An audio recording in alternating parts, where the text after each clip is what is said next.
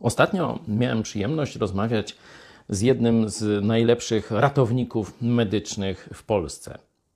Zwykle, kiedy myślimy o wypadkach, no to każdy z nas przeżywa jakiś rodzaj stresu, nawet na samą myśl, na samo wyobrażenie tego, co się dzieje, jakieś straszne e, złamania, ciało niekiedy pozbawione jakichś części, e, krew się leje i tak dalej, nie? że odruchowo uciekamy od takiego obrazu i w ogóle byśmy nie chcieli w nim uczestniczyć.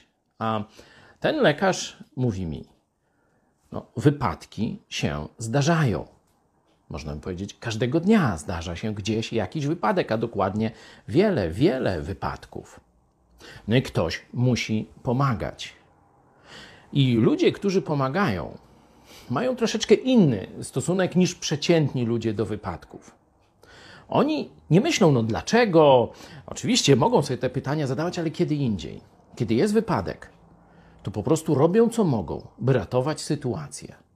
Czyli nie rozpaczają, nie wchodzą w jakieś stany mm, emocjonalne, nie uciekają, że udają, że się nic nie stało, nie chcą się w to mieszać, tylko ze spokojem reagują i robią to, co konieczne, by zminimalizować złe skutki, żeby pomóc.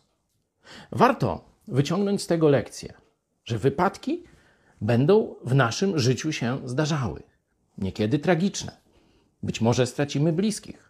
Być może coś jeszcze innego nam się wydarzy. Powinniśmy mieć świadomość, że takie rzeczy na Ziemi ludziom się zdarzają. Jeśli wątpisz w to, weź sobie księgę Hioba. Jednego dnia stracił na przykład całą rodzinę. Ale stwierdził, mówiąc do żony, jeśli braliśmy dobre od Boga, to teraz, kiedy przychodzą nieprzyjemne rzeczy, mamy mieć do Niego pretensje? Nie. Będziemy dalej Mu ufali. I będziemy robić, co trzeba. Będziemy robić swoje. Zobacz, jak się skończyła jego historia.